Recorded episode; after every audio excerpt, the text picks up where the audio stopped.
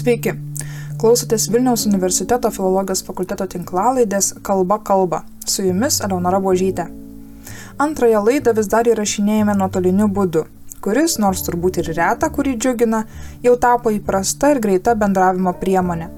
Karantino suvaržymai pakeitė kai kuriuos senus įpročius ir tokie nedideli įnoriai, kaip antai popietinis podelis kavos prie universiteto, alaus bokalas su draugais ar filmas kino salėje aptarinėjami ir planuojami su kažin kokia nostalgija.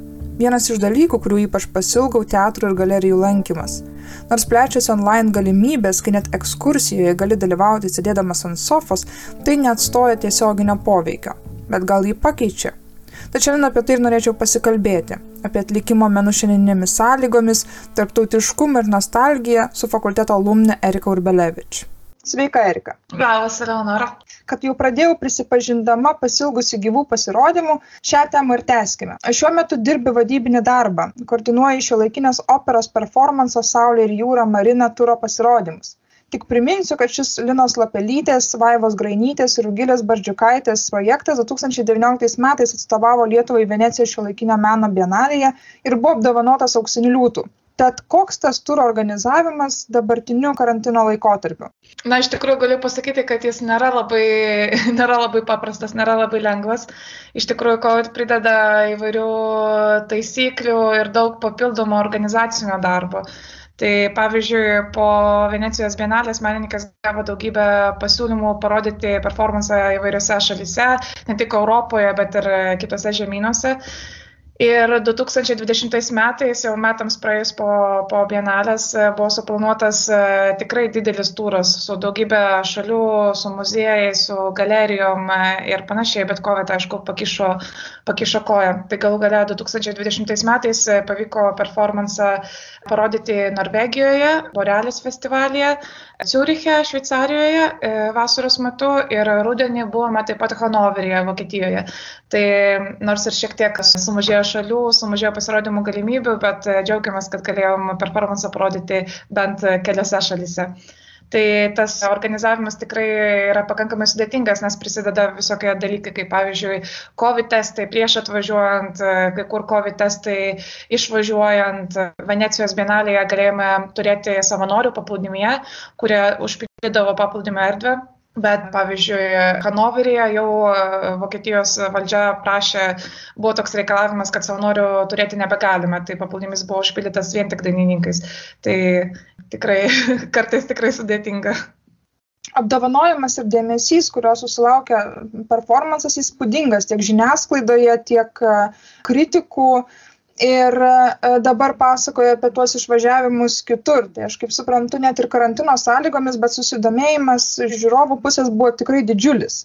Ar pastebėjai kokios, nežinau, e, skirtingose šalise skirtingų reakcijų arba kažkuo, na, kuo išsiskyrė tas keliavimas, turas? Taip, iš tikrųjų tas dėmesys nesumažėjo, galbūt netgi performances tapo net ypač aktualus pandemijos metu nes dauguma žurnalistų arba tie, kurie rašė recenzijas apie performansą Venecijoje, labai dažnai pabrėždavo tokį pasaulio pabaigos jausmą performance. Tarsi buvo visokių užuomenų į, į ekologinę katastrofą, į tai, kas, kad tarsi pasaulis šiek tiek grūna, kol visi sėdi paplūdimi ir geria pinakoladą. Tuo pačiu metu nieko, nieko dėl to nedaro. Pasaulis tarsi grūna aplink juos ir jie, ir jie toliau geria pinakoladą. Tai manau, kad tas dėmesys galbūt ypač pandemijos metu, kur yra savame šiek tiek tarsi pasaulio pabaiga, primena pasaulio pabaigą, šiokia tokia, galbūt net ir šiek tiek sustiprina tą susidomėjimą performansu. Tai iš tikrųjų tų kvietimų buvo nemažai ir reakcijos buvo pakankamai panašios kaip ir Venecijoje. Buvo įdomu tai, kad važiuojant į skirtingas šalis tiek, tiek Norvegijoje, tiek Šveicarijoje, tiek Vokietijoje atėjo nemažai žmonių, kurie matė performansą Venecijoje ir sakė, kad jis buvo toks paveikus, kad norėjo jį pamatyti dar kartą, kad atsivedė, atsivedė žmonių. Šveicarijoje, pavyzdžiui, kaip tik patekėme į laikotarpį, kai tokį laiką, kuris buvo tarp dviejų bangų ir Šveicarijoje šiek tiek buvo atlaisvintos karantino taisyklės ir galėjome, galėjome turėti savanorių. Tai daugumą žmonių, kurie savanoriavo Venecijoje, paplūdimyje, kurie buvo atvažiavę iš Šveicarijos pasižiūrėti performansų, grįžo vėl jo pasižiūrėti, vėl grįžo į, į paplūdimį, norėdami palyginti tas, galbūt tą įspūdį, kurį turėjo Venecijoje. Žinoma, manau, kad tos reakcijos buvo panašios kaip ir Venecijoje. Žmonės jaudinusi, stebėjo, žiūrėjo, suprato, manau, ir žinutę, kurią, kurią siunčia menininkės. Tai dar norėjau paklausti, ar neturi kokių nors įdomių ar, ar net gal juokingų istorijų būtent iš to turo organizavimo, kaip tau sekėsi? Visokių įdomių ir juokingų situacijų jau ir Venecijoje iš tikrųjų užteko.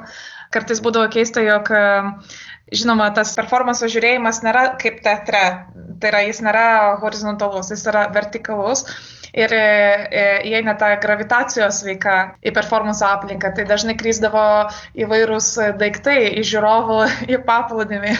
Pavyzdžiui, vieną kartą buvo įkritęs vaiko čiauptukas, kas atrodo visai normalus dalykas. Kitą kartą buvo įkritusi kažkieno auksinė Gold banko kortelė. Aš nesu tikra, ką tas žmogus darė su ta banko kortelė balkone, bet įkrito į paplūdimį. Arba kažkurio metu irgi buvo įkritusi žmogaus kuprinė, kepurė kėdės, e, tušinukai. Ir e, visai įdomu atrodo, kaip ta gravitacija veikia performance, nes iš žiūrovų kryzdavo daiktai į paplūdimį ir tada kas nors iš, iš performerių turėjo tuos daiktus išnešti į užkulsius. Bet ir pats performances įeina į žiūrovų aplinką, nes, kaip sakiau anksčiau, arba užtikšta vanduo, arba kai tu smėlį kyla dulkės ir žiūrovai taip pat apie tas pačias dulkes, arba galbūt jaučia kvapą ar, ar maisto, kuris ten yra paplūdimi ir panašiai. Tai visai įdomu, kaip vertikaliai žiūrint į performance persipina tie performance ir žiūrovų pasauliai. Po to aš, iš tokios organizacinės pusės tai visokių nutikimų buvo dėl COVID organizacijos. Pavyzdžiui, skrendant į Ciurichą, būtent e, dainininkams iš Lietuvos e, skrydžiai buvo atšaukti bent tris kartus. Prieš išvažiuojant e, buvo atšauktas skrydis ir teko pirkti naują skrydį. Būnant Ciuriche buvo atšauktas atgalinis skrydis ir teko pirkti naują skrydį. Ir tas pats skrydis vėl buvo atšauktas ir reikėjo pirkti dar vieną skrydį. Tuo tarpu dainininkams iš Italijos Jie turėjo išskristi antrą valandą iš Venecijos į Ciurichą ir e, apie 10 ryto sužinom, kad jau uh, lėktuvas atšauktas. Jie sugebėjo, nežinau kaip, bet jie sugebėjo per pusę valandos susiruošti, susidėti daiktus ir iššokti į traukinį, kuris važiavo iš Venecijos į Ciurichą. Tai buvo tikrai visiems labai daug streso, bet uh, viskas pavyko. Kartais net atrodo, neįsivaizduoju, kaip visi atsidūrė sveiki gyvi to vienoje vietoje ir, ir atidainavo viską, ką turėjo atidainuoti.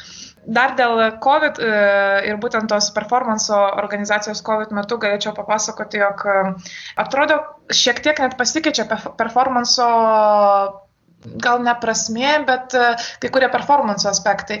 Nes e, auksinis liūtas menininkams buvo įteiktas dėl įvairių, taip sakant, priežasčių, bet viena iš priežasčių buvo tai, kad e, jos paviljonas performance sugebėjo įtraukti visą Veneciją kažkiek į, į, į tą performance, nes buvo įvairių žmonių, tiek venecijiečių, tiek italų, tiek užsieniečių, kurie dalyvavo kaip savanoriai pasirodyme. Buvo įtraukta seniausia spaustuvė Venecijoje, kurie padėjo su vinilų išleidimu. Buvo e, įtraukti kaliniai iš e, vyrų kalėjimo Venecijoje, kurie taip pat prisidėjo prie vinilo viršelio gaminimo. Tai su COVID, pavyzdžiui, tose vietose, kur negalėjome turėti e, savanorių, tai, pavyzdžiui, Hanoverį, Vokietijoje, atrodė visai keista tų savanorių neturėti, nes savanoriai atneša į performansą įvairių nuotaikų. Atrodo, kiekvieną kartą performance vis, vis vyksta kas nors naujo. Vieną dieną galbūt performance ten kampe kas nors švenčia gimtadienį, kažkas skaito knygas, kažkas atsiveda šunį, kažkas atsiveda draugų, e, susigalvoja įvairių veiklų, nuo badmintono žaidimo iki galbūt kitų žaidimų, iki skaitimo, iki pokalbio, iki jogos darimo ar įvairių pratimų. Gimsta įvairios draugystės tiek tarp savanorių, tiek tarp e, performerių ir savanorių, tarp organizacinės komandos ir ir savanorių. Visai keista atrodo, kai dėl COVID negalėjome turėti savanorių performance. Pats paplūdimys, manau, žiūrovams neatrodė labai, tarsi labai skirtingas nuo to, ką matė Venecijoje, nes scena nebuvo labai, labai didelė ir performeriai puikiai užpildė pačią erdvę. Bet iš tos organizacinės pusės šiek tiek pasijutė, kad nėra to didelio ir svarbaus aspekto. Tai yra integravimo pačios vietos į performanso erdvę, um, dėl ko buvo šiek tiek gaila. Bet o čia šiek tiek jau užsiminiai, kad kaip ir sutampa tie įspūdžiai su karantino nuotaikomis, su tuo pasaulio pabaigos kažkokiam pranašystėm, bet kuo dar, jau kai prasidėjo, kai tiksliau, kai buvo parodytas performances, dar mes apie tą karantiną ir, ir apie COVID nežinojom. Kuo tas performances toks paveikus tavo nuomonė? Ir pavyzdžiui, ar jo įrašas prilygtų gyvam pasirodymo stebėjimui? Įrašas, manau, neprilyksta, aišku, gyvo pasirodymo stebėjimui, nes gyvo pasirodymo metu yra įtraukiamas visos jūslės. Yra uoslėtų, beveik užuodį, užuodį e, smėlį, nesisikaista, matai žmonės iš e, paukščio skrydžio, galbūt ant kai kurių žmonių net, e, kurie stovi balkone, kartais užtikšta vanduo, galbūt vaikai paplūdimėje žaidžia vandeniu ir, ir tas vanduo užtikšta ant, ant žiūrovų. Tai tikrai negali atstoti tas įrašas gyvo pasirodymo. Bet manau, kad, jis, kad pasirodymas yra labai paveikus tuo, kad vis dėlto Saulė ir jūra patenka į tą ekologinio meno kategoriją. Dažnai nutinka, kad tam ekologiniam mene e, yra, kaip pasakyti, duodama daug kalties žmogui ir tai, kai jis daro su planeta, ir taip labiau grumojama ir grasinama pirštu, kad čia tavo kaltė, kad tu esi kaltas dėl to, kas nutinka planetai, kad viskas grūna per tave. Man atrodo, kad menininkė Saulė ir Jūrai daro šiek tiek įdomesnį procesą, jos tarsi paspendžia tokius e, spastus. Iš pradžių ateini e, žiūrėti performanso ir matai paplūdimio sceną. Tai yra šūnys, yra vaikai, bėgioja, žmonės e, geria galbūt kokteilius, žaidžia badmintoną, skaito. Ir natūraliai ta paplūdimio scena e, susisieja su kažkuo maloniu, susisieja su atostogom, susisieja su laisvalaikiu, tai tau duoda teigiamus jausmus. Ir žmogus, man atrodo, įsitraukia į tą sceną ir, ir žiūri ją ir atsipalaiduoja toje paplūdimio atmosferoje. Ir kuo ilgiau žiūrovas lieka tame pasirodyme, kuo ilgiau jis stebi tą pasirodymą, pradeda pastebėti vis, vis įvairius tokius e, paslėptus dalykus. Pavyzdžiui, e, kad toje labai gražioje ir malonėje scenoje kažkas yra ne taip, kažkas, kažkas vis dėlto yra ne taip.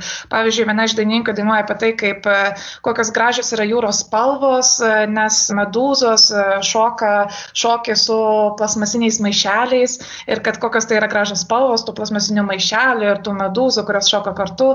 Arba e, kita dainininkė dainuoja apie tai, kaip, e, kaip žiemos metu išeina pasivaikščioti ir randa augančius grybus, voveraites, man atrodo. Tai dainininkai dainuoja apie tam tikrus dalykus, kurie jie patys kaip žmonės beveik nepastebi ir nesusiję vienas su kitu, bet e, žiūrovas klausydamasis visų dalykų po truputį ima suprasti, apie ką iš tikrųjų yra dainuojama.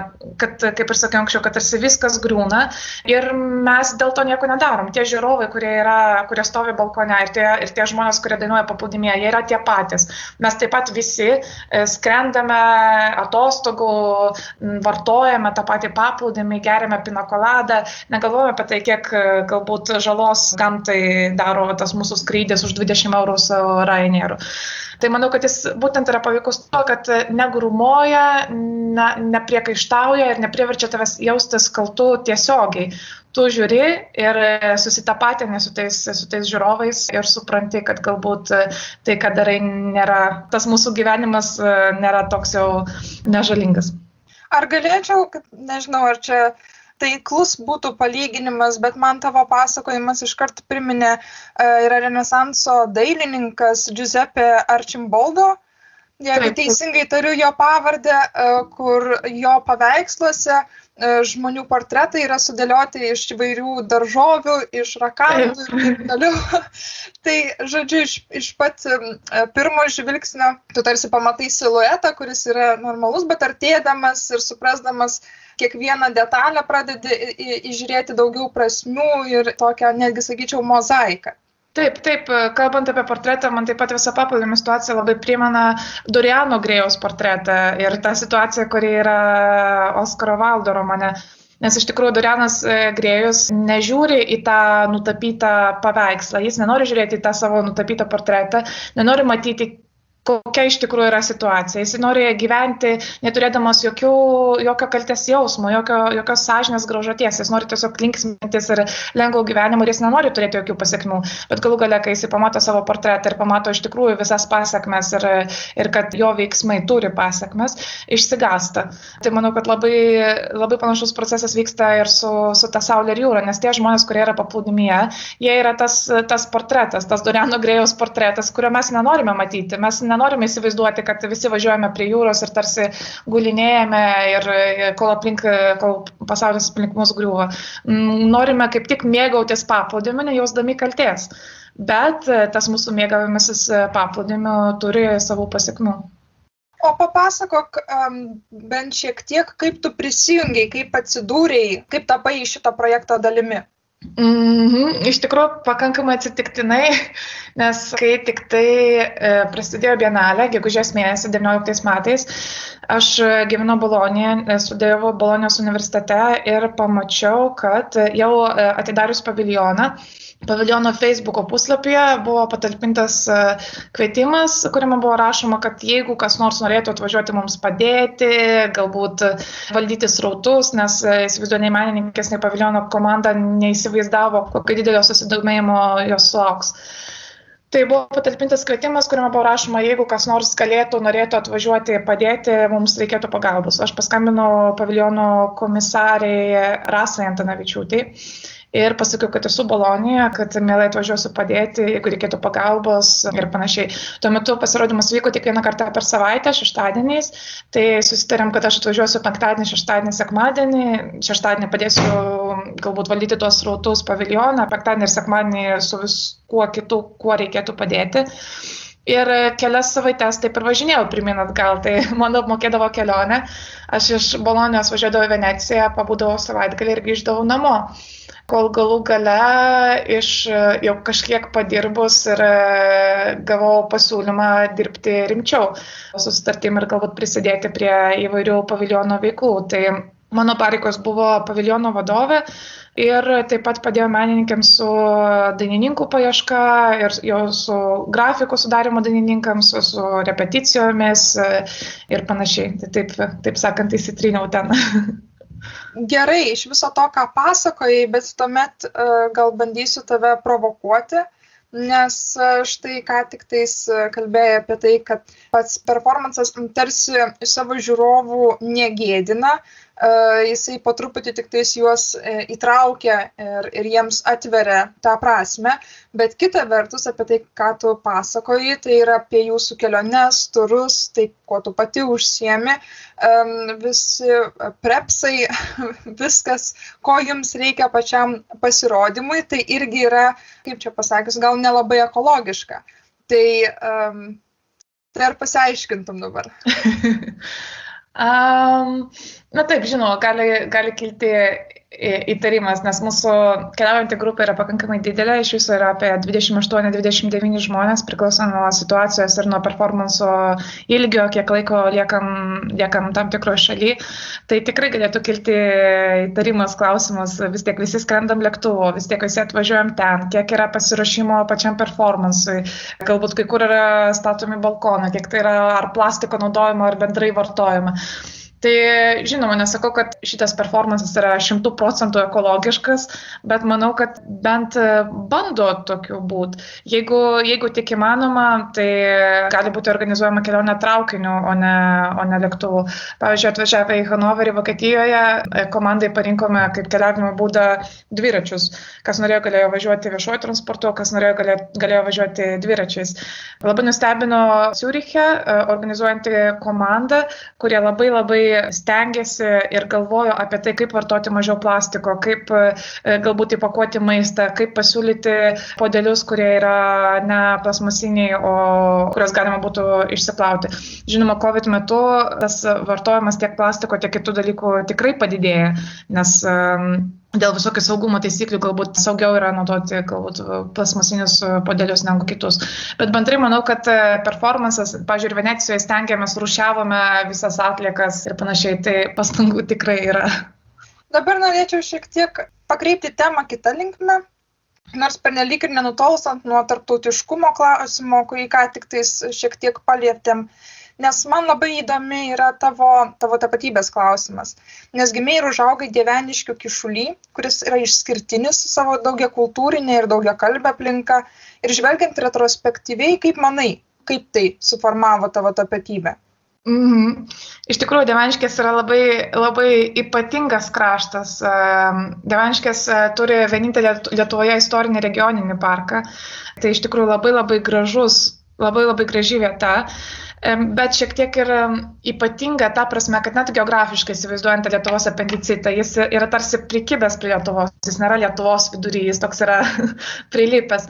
Tai žmonės gyventis deveniškėse kartais net išgirsti galbūt ypač iš vyresnės kartos žmonių, jie sako, pas jūs ten Lietuvoje e, yra taip ir taip aišku yra yra visokių dalykų dėl to kultū dėl kultūrinės tapatybės ir jie galbūt ne jaučiasi šiek tiek atskirti e, nuo lietuvos. Galbūt e, kai kurie žmonės žiūri šiek tiek įtariai į tą kraštą tarsi kad ten mažai galbūt lietuvybės yra tam krašte kas kas nėra visiškai tiesa. Tai iš tikrųjų tas kraštas yra tokiam perėjime, toks prilipęs prie Lietuvos yra, yra Lietuva, bet apsuptas Baltarusijos, bet e, turi ir labai daug e, įtakos e, iš Lenkijos, iš Lenkijos kultūros. Tai manau, kad tas tarp kultūriškumas, tarp tautiškumas man padėjo padėjo ta prasme, kad galbūt man yra daug lengviau susikalbėti, susibendrauti su įvairių kultūrų žmonėmis, nesu labai prisikauščiusi prie vienos vietos ir būnant tam paribį, jaučiuosi, nežinau, labiau gal pasaulietiškas žmogus, o ne kilęs iš būtent tos vietos, būtent iš to kaimo ir, ir panašiai. Galbūt daug plačiau žiūriu į tapatybės ir kultūros klausimą, identitetą bendrai kadangi užaugai e, prie pat sienos ir, ir vis tiek tos kultūros labai maišėsi, gal gal yra kokių nors išskirtinių nežinau e, žaidimų ritualų e, kurie buvo paplitę dieveniškėse tenais kur e, gyvenai? Tai taip tai kiek mes kalbėjom apie kalbas ir tą kalbų mano šeimo, šeimoje maišymasi tai tai yra visai vienas dalykas nes su kalba ateina visokie tapatybės klausimai galbūt tu kalbėdamas viena kalba į save identifikuoji su tam tikros šalies gyventojais ir, ir panašiai. Tai ta kalba ir multikultūriškumas ir tas bardakas kalbų mūsų namuose yra vienas dalykas, bet yra dar vienas įdomus dalykas, tai būtent tas paribys ir siena ir ta siena, kuri yra labai arti tavo namų. Man visai nesnekėjo tokia mintis, Bolonijos universitete studijuojant e, semiotiką, kalbėjom būtent apie, apie sieną ir kaip įsivaizduoji tą kitą, kuris yra už sienos, kuris yra, kuris yra kitas, kuris yra kitoje šalyje. Ir galvodama apie tai, pradėjau galvoti, kaip gyvenimas arti sienos e, turėtų kažkaip turėti kažkokią įtaką tavo bendrai gyvenimui, galvojimui, žaidimams ir, ir kasdieniniams ritualams net būnant Italijoje, pavyzdžiui, galvoju žmonės, kurie gyvena šalia etnos, kurie pastoviai išsiveržia, juk turėtų kažkaip kitaip galvoti apie savo kasdieninį gyvenimą, gyvendami nuolatinėje, kažkiek nuolatinėje baimėje, kad tas ugnikalnis tuo išsiverž. Tai galvodama apie tą Baltarusijos sieną, šalia kurios e, yra deveniškės, e, prisiminiau žaidimą, kurį žaisdavome vaikystėje. Ir tas žaidimas būdavo toks, kad e, kartais vienas iš vaikų apsimesdavo pasieniečių, o kiti vaikai turėdavo prasmukti pro jį arba pravažiuoti pro jį ir galbūt prasivežti tą kontrabandą, tai yra prisiskinti vynogių lapų ir sukaišyti juos kur nors į, į dviratį ir tuomet pasienietis tave stabdo ir tavęs klausia, ar ką nors važiuoji, tuomet patikrina dviratį, arba randa, arba neranda ir tada tas žaidimo rezultatas yra kitoks, arba tu pravažiuoji pro sieną, arba nepravažiuoji. Tai visai, visai keista ir įdomu, kaip ta siena iš tikrųjų labai вы įsitraukia į tą sąmonę tiek nuo vaikystės, tiek vėliau gyvenime. Galbūt būtent tas sienos buvimas šalia kažkaip šiek tiek ištirpdo tarp įvairių šalių ir įvairių kultūrų tokius didelis, didelius skirtumus, nes atrodo gyveni čia ir už dviejų kilometrų yra kitas namas ir juk nesam tokie skirtingi. Čia yra tie patys žmonės, kuriuos galbūt matai ir, ir pažįsti. Taip pat prisimenu, tame šalčininkų krašte yra Norviliškių kaimelis, per kurį buvo nutesta siena ir tarsi kaimas buvo perkirstas į dvi dalis. Ir viena kaimo dalis liko Baltarusijoje, o kita kaimo dalis su bažnyčia liko Lietuvoje. Ir yra nuotraukų ir liūdimų iš gal prieš 10-15 metų e, žmonės, kurie liko Baltarusijoje, ateidavo prie sienos ir kuningas išeidavo iš bažnyčios ir šventindavo pro sieną arba duodavo ostiją pro, pro tą tinklo skilutę, paduodavo ostiją žmonėms. Tai tarsi atrodo, ta siena nėra tokia kažkoks neregimas barjeras. Atrodo, tai yra tiesiog, nėra ten kažkokia nežinoma kita žemė, tai yra ta pati žemė tik su teritorija politinė labiau negu kultūrinė. Tai man atrodo, tas gyvenimas šalia sienos šiek tiek, bent jau mano sąmonė irgi ištirpdo tos didelius skirtumus tarp šalių, kad e, tarsi už dviejų kilometrų yra visai kitas žmogus, yra visai kitas nepažįstamas. Man atrodo, daug lengviau yra priimti kitas kultūras ir jas žiūrėti kaip į pažįstamas arba ieškoti panašumų. Bet o namie kokiom keliom kalbom kalbėjai? Um, aš kartais pasakoju draugams, kuriems bandau nupasakoti šeimos situaciją, kad e, gali pamatyti Lietuvos, ar bent jau to krašto istoriją, žiūrint pagal kokias kalbas kalba mano šeima. Tai seneliai kalba lenkiškai, tėvai tarpusavį kalba rusiškai ir su manim ir mano sesė kalba lietuviškai, o mes su sesė kalbam lietuviškai irgi tarpusavį. Bet jeigu reikėtų kalbėti su seneliais, tai kalbėčiau rusiškai, nes lenkiškai suprantu, bet uh, nebegaliu laisvai kalbėti, bet seneliai man atsako lenkiškai. Tai buvo visokių jokingų situacijų, kaip, pavyzdžiui, mano draugai, kurie kalba vien tik tai lietuvių kalba ir galbūt atvažiuoja mano šeimos susirinkimą, kur kalbama įvairiausiam kalbom ir vienas atsako vieną kalbą, kitas atsako kitą. Tai visokio, aišku, kuriozinių situacijų kyla. Taip, tai mes kalbam labai labai įvairiom kalbom ir aš irgi pati kalbu rusiškai ir lenkiškai, nors jau kiek silpnokai, nes galbūt neliko to tokio stipraus ryšio su seneliais, bet lenkiškai suprantu ir šiek tiek kalbu. Tikriausiai nebūsiu pirmoji šito klausianti, tačiau man labai smalsu nes aš pati augau tik lietuviškai kalbančioje šeimoje. O tu ne tik gyvenai e, daugia kalbėje aplinkoje, bet keletą metų jau nuolat, kaip suprantu, kalbėjai itališkai ir angliškai. Tad kokia kalba ar kalbomis vystai vidinį monologą?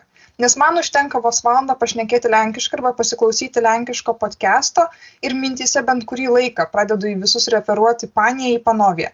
Tad mhm. juokais kalbant, kokios tautybės tavo vidinis balsas, o gal jis kinta priklausomai nuo aplinkybių? E, tikrai kinta ir mano labai panaši situacija kaip ir tavo, priklauso kiek laiko praleidžiu kokiam kontekste. Nes, pavyzdžiui, filologijos fakultete studijuojant, dėstytojai sakydavo, kad gimtoji kalba yra ta, kurią skaičiuoji dalykus. Na, kai natūraliai gaunasi skaičiuoti e, tam tikrą kalbą dalykus, tai tikrai skaičiuoju įvairiom, įvairiomis kalbomis galvoje, kartais sapnuoju įvairiomis kalbomis priklauso kuriam kontekste esu. Tai gaunasi galvoti visai, ir lietuviškai, ir itališkai, ir angliškai, kartais rusiškai. Šiuo metu gyvenu Bulgarijoje, e, bulgarų kalba nekalbu ir mano tas pats arčiausias, e, taip sakant, arčiausia galimybė susikalbėti su, su bulgarais yra rusų kalba, tai dabar vis dažniau pasitaiko, kad galvoju ir rusiškai. Dabar užsiminiai uh, tik apie studijas universitete. Tai iš tikrųjų studijavai lietuvių italų filologiją ir man labai įdomu, kokia tavo nuomonė, nes vienas dažniausių stereotipų, kurį nekartą esu girdėjusi, tai priekaištas, kad užsienio kalbos studijos universitete yra valstybės apmokami kalbos kursai. Paneigtum ar pritartum tokiam požiūriui? Mm, tikrai, tikrai paneigčiau, tikrai, bet jau studijuojant lietuvių ir italų filologiją, tokio jausmo visiškai nebuvo. Galbūt aš net pati, turėdama omeny tokius stereotipus, tikėjausi vien tik tai kalbos studijų, kur galbūt kalsim žodyną ir ten 20 žodžių per dieną itališkai nuo ryto iki vakaro. Tai nebuvo nieko panašaus. Turėjau nuostabius dėstytojus, e, pavyzdžiui, Dainių būrę, Paula Fertoli, Paula Fertoli, kuri yra iš Milano, bet jau gyvena Lietuvoje labai ilgą laiką. Tai dėstytojai buvo tikrai nuostabus ir stengiasi ne tik išmokyti kalbos, bet išmokyti ar supažindinti su italų kultūra. Tai Paulo Fertoli mus supažindino ir su Italijos muzika, su Italijos e, virtuve, kalbėjom apie įvairias pastos rušys, apie tai, kaip gaminama kava, žiūrėjom filmus kartu su ją. Dainius būrė mums buvo paruošęs įvairių literatūros kursų, meno istorijos įvado, kino kursų. Tikrai tos studijos buvo daug daugiau, negu aš pati tikėjausi. Kaip ir sakiau, maniau, kad galbūt tai bus vien tik tai kalbos mokymas mokymasis ir kalimas, bet tuo pačiu metu tai buvo tikrai daug daugiau, tai buvo supažindinimas ir įvadas į pačią kultūrą. Ir tas įvadas tikrai pravertė išvažiavus į Italiją studijų metu ir po to gyvenant Italijoje atrodo, galbūt nedavė tokio labiau pasitikėjimą savimi, kad e, nebūtinai turiu visiškai kalbėti be klaidų. Daug įdomiau yra, galbūt sudomina pačia Italijos kultūra. Ir aš norėdama sužinoti daugiau apie Italijos kultūrą, daugiau kalbėjau itališkai ir daugiau domėjausi pačia kalba. Tai buvo tikrai nuostabus dėstytojai, nuostabus kursas, esu labai už jį dėkinga. Tai ar tau sunku apskritai mokytis e, kalbų, ar, ar kaip tik tais gal pakankamai lengva, nes pavyzdžiui, kaip tu, ar sunkiai sekėsi kalbos e, studijos Manau, kad jau iš nuo gimimo žinant kelias užsienio kalbas, nes rusų e, kalba, lenkų kalba tikrai artimos. Pavyzdžiui, mano tėtis, kai aš gimiau, jis nekalbėjo lietuvių kalbą ir mes kartu, man augant su juo, išmokome lietuvių kalbos. tai aš ją, aišku, prisimenu kalbantį lietuviškai su manimi, bet, e, bet vos tik, e, vos tik man gimusis dar nemokėjo lietuvių kalbos. Tai man atrodo, galbūt tas pats jausmas yra visai natūralu kalbėti įvairiomis užsienio kalbomis. Dabar, pavyzdžiui, atsidūrus naujame kontekste, tai yra Bulgarijoje, rusų rusų kalbos tikrai neužtenka, norint įsilieti čia į kontekstą, norisi mokytis bulgarų kalbos ir jau turiu kažkokią atramą ir pagrindą, nuo kurio galiu pradėti. Tai pagalvojus, kalbos tikrai duoda labai didelę laisvę ir padeda daug lengviau integruotis į naują kultūrą. Tai mokiausi ir vokiečių kalbos mokykloje, šiek tiek suprantu vokiečių, pavyzdžiui, trūksta prancūzų kalbos, pagalvojus, ar europinių kontekstų norėtųsi mokytis labai ir prancūzų kalbos. Tai atrodo, kad mokant kelias kalbas gimsta alkis dar kitoms kalboms kalboms, galbūt mokėti dar kažką, nes turi galimybę, turi pagrindą ir gali sugretinti įvairias kalbas. Užsiminiai, kad e, studijavai Bolonijos universitete, bet iš tikrųjų tavo istorija yra tokia, kad tu e, Vilniaus universitete pas mus pabaigai lietuvių italų bakalauro studijas, paskui magistrantūrą, e, intermedialias literatūros studijas, tai ko neužteko, ko reikėjo dar, kad prisireiktų studijų Bolonijos universitete? Gal iš tikrųjų, visai neseniai galvojau, kad tas e, mano universitetinis kelias nėra labai kaip pasakyti, nesu studijavusi taip rimtai vienos mokslo šakos, nes dabar tie mano diplomai tokie šiek tiek nesusiję tarpusavėje gaunasi, nes bakalauras buvo lietuvių ir italų filologijos, tada perėjau į intermedialių literatūros studijų magistrą, kas buvo šiek tiek ir toks meno istorijos įvadas ir galbūt įvadas į kitas medijas, į literatūrą ir dabar beveik pabaigiau e, vizualiųjų menų magistrą Bolonijoje. Tai e, atrodo, kad šiek tiek mėtausi iš vienos vienos pusės į kitą ir nelabai apsisprendžiau, kas čia man įdomiau. Ir e, Bolonijai studijuojant mano kolegos, kurie studijavo kartu su manimi, jų tas kelias universitetinis buvo šiek tiek kitoks, nes jie studijavo bakalaurą ir e, kas nors dar magistrą, arba ne tik bakalaurą, vien tik tai meno studijas. Ir, pavyzdžiui, ėjo Italijoje į meno licėjų ir jie turėjo tokį labai susijusi, susijusius mokymasis, tie diplomai tarsi buvo logiški. Aš šiek tiek e, mėtau matosi, man atrodo, kad nežiūriu į diplomą ir nežiūriu į tą universitetinę karjerą kelią kaip į kažką, kas man turėtų, nežinau, padėti gyvenimą. Man tai nėra toks labai atspirties taškas. Studijuoju tai, kas man įdomu ir kas mane labiau traukia tuo metu. Tai būtent po lietuvių ir italų filologijos studijuojant galbūt labiau koncentruotis į italų filologiją ir lietuvių filologijos programoje šiek tiek pasigedus būtent literatūros studijų, galbūt e, interpretacijos, e, literatūros teorijos, norėjusi įsigilinti būtent į tai ir dėl to įstojau į intermedialių literatūros studijų magistrą. O po magistro išvažiavau atlikti praktiką Sicilijoje, Palermo mieste atlikau praktiką irgi nelabai susijusi vietoje e, botanikos sode, Palermo botanikos sode, bet botanikos sodas buvo vienas iš e, Palermo universiteto e, muziejų sistemos toks taškas, tai dirbau muziejų sistemai ir tuo metu, kai atlikinėjau praktiką Palerme, prasidėjo manifesta 12, didelis meno festivalis. Ir e, būtent Palermo botanikos sode buvo atidaryta meno biblioteka, kurioje man buvo pasiūlytas darbas ir ten likau dirbti šešis mėnesius, jau pabaigusi praktiką ir susipažinau šiek tiek su meno pasauliu. Vyko labai daug įdomių renginių, dirbau meno bibliotekoje, kurioje tuo metu vyko keturios parodos ir susidomėjusi šio laikiniu menu pagalvojau, kad būtų visai neblogai ir visai faina studijuoti taip pat ir, ir meną, galbūt labiau įsigilinti į tai, nes intermedialių literatūros studijų magistrą gavau tokį įvadą į šio laikinį meną. Turėjom dėstytojų ir iš dailės akademijos, kurie galbūt e, davė tokius pradmenis. Tai norėjusi pasigilinti ir juos. Ir e, Italijos užsienio reikalų ministerija skelbia konkursą beveik kiekvienais metais ir kviečia užsienio studentus studijuoti Italijoje. Ir laimėjus tą konkursą tau yra duodama stipendija, draudimas ir gali pasirinkti universitetą, kuriame nori studijuoti Italijoje. Tai laimėjus tą stipendiją ir peržiūrėjus įvairias studijų programas Italijoje, nutariau studijuoti Bolonijos universitete, nes e, daug kur Italijoje labai koncentruojamasi į modernų meną, į viduramžių meną, bet būtent Bolonijoje buvo viena programa, kaip vizualiai menai, kur daugiau dėmesio buvo skiriama šiuolaikiniam menui.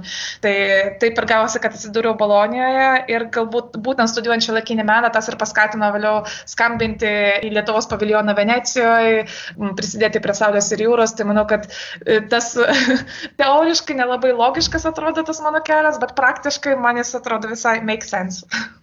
kadangi puikiai pažįsti e, dabar abiejų universitetų, abiejų Alma Mater e, virtuves, kaip manai, vat, tas Bolonijos universiteto kaip seniausio universiteto, ar pasitvirtintų ir jo prestižiškumo klausimas ir kokius pagrindinius skirtumus, tarkim, matėjai studijuodama Bolonijos ir, ir Vilniaus universitete? Galbūt e, Vilniaus universitete ar bendrai Lietuvos universitetuose mokymasis ir deadline yra labai labai griežti. Italijoje yra visiškai atvirkščiai, nes Italijoje įstojus universitetą tu pats pasirinkai, kada laikyti egzaminus. Pavyzdžiui, gali mokytis, ten praeiti kursą tam tikro dalyko ir gali to dalyko egzaminą laikyti po dviejų metų, jei nori jei tik tai nori, tu gali daryti iš viso, kaip tu tik tai nori. Arba, pavyzdžiui, magistrą gali, gali irgi apsiginti, kada nori. Yra gynimas datos Liepa, yra gynimas datos e, lapkritį ir kovo. Tai aš dabar ginsiuosi kovo, bet galiu gintis ir lapkritį, ir Liepą, kada man labiau norėjusi.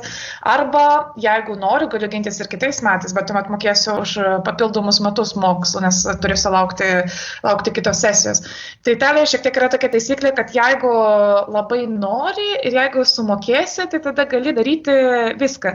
Italijoje e, mokslas yra mokamas, man e, pasisekė, neturėjau užmokėti, nes laimėjau stipendiją, bet e, beveik visi mano grupiokai už mokslą mokėjo ir tarsi galėjo tokia taisyklė, tu sumoki už ką nori, nori būti daktaras, sumoki už daktaro mokslus ir eini mokytis iš vienos pusės ta laisvė tokia pasirinkti, ką nori studijuoti, kaip nori studijuoti, kada nori laikytis egzaminus, kada nori gintis, yra labai gerai. Nes prisimenu, kai mes studijavome intermedialės literatūros studijas, buvo mūsų grupė žmonių, kurie galbūt turi šeimas, kurie turi darbus ir neturėjo galimybės e, galbūt praleisti dalį paskaitų arba vėliau laikyti egzaminą. Tai Italijos universitetai šiuo atveju yra daug palankesni. Tu gali pats dėlioti savo, taip sakant, užsiemimus, asmeninį gyvenimą, kaip tau patinka. Bet tuo pačiu metu Italijoje ir sutikau žmonių, kurie bakalauro studijuoja jau dešimt metų ir kol kas dar neketina jo, jo pavaikti.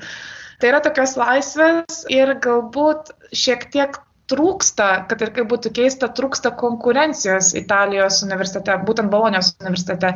Nes um, Prisimenu, kai, kai studijavome Vilniaus universitete, ypač magistrantūroje, mūsų grupės buvo pakankamai mažos. Buvome išskirstyti arba į 12 žmonių grupės, arba visa grupė buvo 25 žmonės, bet dėstytojai labai stengdavosi traukti į diskusijas, pavyzdžiui, su profesoriumi Svardiolu. Daug diskutavome, kalbėjome, klausėmės, diskusijos persikeldavo po paskaitų. Bolonijos universitete pasirodė beveik neįmanomas toks variantas, nes auditorija yra 100-150 žmonių ir neįmanoma dėstytojui pradėti diskusijos arba kažkaip e, apsikeisti, apsikeisti nuomonėmis, mintimis.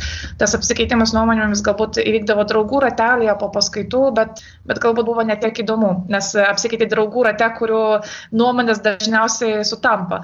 Tai nėra to tokio, nėra kritikos, nėra, ne, nebuvo taip labai smarkiai vystomas kritinis mąstymas buvo dar ir toks, atrodo, universitetas tarsi šiek tiek nori tų pinigų, nori palikti e, kursus su atviru skaičiu žmonių, kad bet kiek žmonių gali įstoti į tą kursą, nes sumokėjus pinigus gali būti tas kursas vienais metais 20 žmonių, kitais metais 150, net tam esmė. Bet mano kurse nutikdavo taip, kad atėjus į tam tikrą auditoriją, prasidėjus paskaitų, turi atsisėsti ant grindų, nes tiesiog nėra vietų. Tai žmonės moka pinigus, studijuoja, bet e, jiems nesutikiamas sąlygos vietos net atsisėsti. tai yra visokių pliusų, yra visokių minusų, bet e, aišku, aš už, už visas patirtis e, esu dėkinga ir Vilnius universitete, ir Bolonijos universitete. Taip, artėjame prie pabaigos. Tai svečių prašome pasidalinti rekomendaciją. Knyga, filmų, performance, kuo tik nori. Ką tu galėtum norėtum pasiūlyti? Mm, galbūt pasiūlysiu vieną knygą, rekomenduosiu vieną knygą, kuri buvo taip pat rekomenduota man, mano draugės, ir kurią perskaičius, ją daugiausiai remiausi rašydama magistro darbą Bolonijos universitete. Magistro darbą rašiau apie Saulę ir jūrą, apie tą patį performance, apie kurį kalbėjome. Galbūt kai kurie galite pasakyti, kad pasirinko pakankamai lengvą kelią, nes tą performance žinau nuo viršaus tokie pačios, bet buvo visai įdomu panagrinėti jį pro teorinę prizmę, ne tik pro praktinę prisidėjus ir, ir dirbus prie jo. Tai norėčiau parekomenduoti Timočio Mortono knygą pavadinimu Hyperobjects Philosophy and Ecology After the End of the World. Mortonas yra Rice universiteto profesorius ir šioje knygoje jis kalba apie hiperobjektus. Jis pristato tokį terminą. Tai hiperobjektas, jo manimu, yra toks um, dalykas išsitęsęs erdvėje ir laike, kurio mes žmogiškai negalime suprasti. Tai pavyzdžiui, gali būti internetas, kurio mes nesuvokiame visiškai iki galo, arba tai gali būti atominė bomba, kurios irgi nesuvokiame iki galo, arba, pavyzdžiui, jo manimų klimato kaita. Tai jis būtent kalba apie ekologiją ir apie e, klimato kaitą kaip e, hiperobjektą. Jis kalba apie tą hiperobjektą klimato kaitą ir kaip klimato kaita gali pasireikšti. Klimato kaita gali būti ir nudegęs kaklas, kol sėdime kieme ant kėdės, arba tai gali būti tsunamis kitoje, kitoje pasaulio pusėje. Tai jis kalba apie ekologiją, kalba apie klimato kaitą, kalba apie tos lokalius apsireiškimus e, hiperobjektų pasaulyje. Sako, kad e, svarbu yra duoti vardą tiems hiperobjektams, tiems e, reiškiniams, kurių iki galo negalime suvokti suvokti, nes e, davus vardą galbūt galime kažką pradėti su jais daryti ir apie juos mąstyti. Tai būtent e, toje ekologiška prasme galbūt galima pradėti galvoti apie tai, ką mes darome planetoje, ką veikiame ir kaip planeta atsiliepia į mūsų veiksmus. Pasinaudodama progą ir aš šiaip norėčiau parekomenduoti knygą nes kaip tik tais e, šiuo metu e, jau baigiu perskaityti vertėjo literatūros tyrinėtojo Merkelio Račkausko užrašus. Tai 20 metų, tai yra nuo 1885 iki 1905 Žemaitijos užkampį. Ir memoarus sudarė jo nukas Tomas Venslova ir 2008 metais išleido Lietuvų literatūros ir tautosakos institutas. Mane labiausiai nustebino, kaip prisiminimuose nebanaliai tapomas tuometinių žemaitijos dvarų, zakristijų ūkis, vaizdingai nupasakojamas įvairialypis ten šlėktų ir mužikų gyvenimas, kurį matė busimasis ten Platono, Erasmo Rotterdamiečio, Lukrecijaus tekstų vertėjas. Tai e, skaitimo patirtis mano buvo labai įvairi, nes ir balsų kvatojau, ir susiaubu vyrui citavau aprašytus papročius. Tai tikrai, tikrai labai e, rekomenduoju. Ačiū Erika tau labai už pokalbį. Ačiū Leonora. Tiek šiandien tų kalbų. Atsisveikinu ir primenu, kad mūsų galite klausytis įvairiose platformose - YouTube, Spotify, o daugiau informacijos ieškokite Facebook puslapį. Sudiev.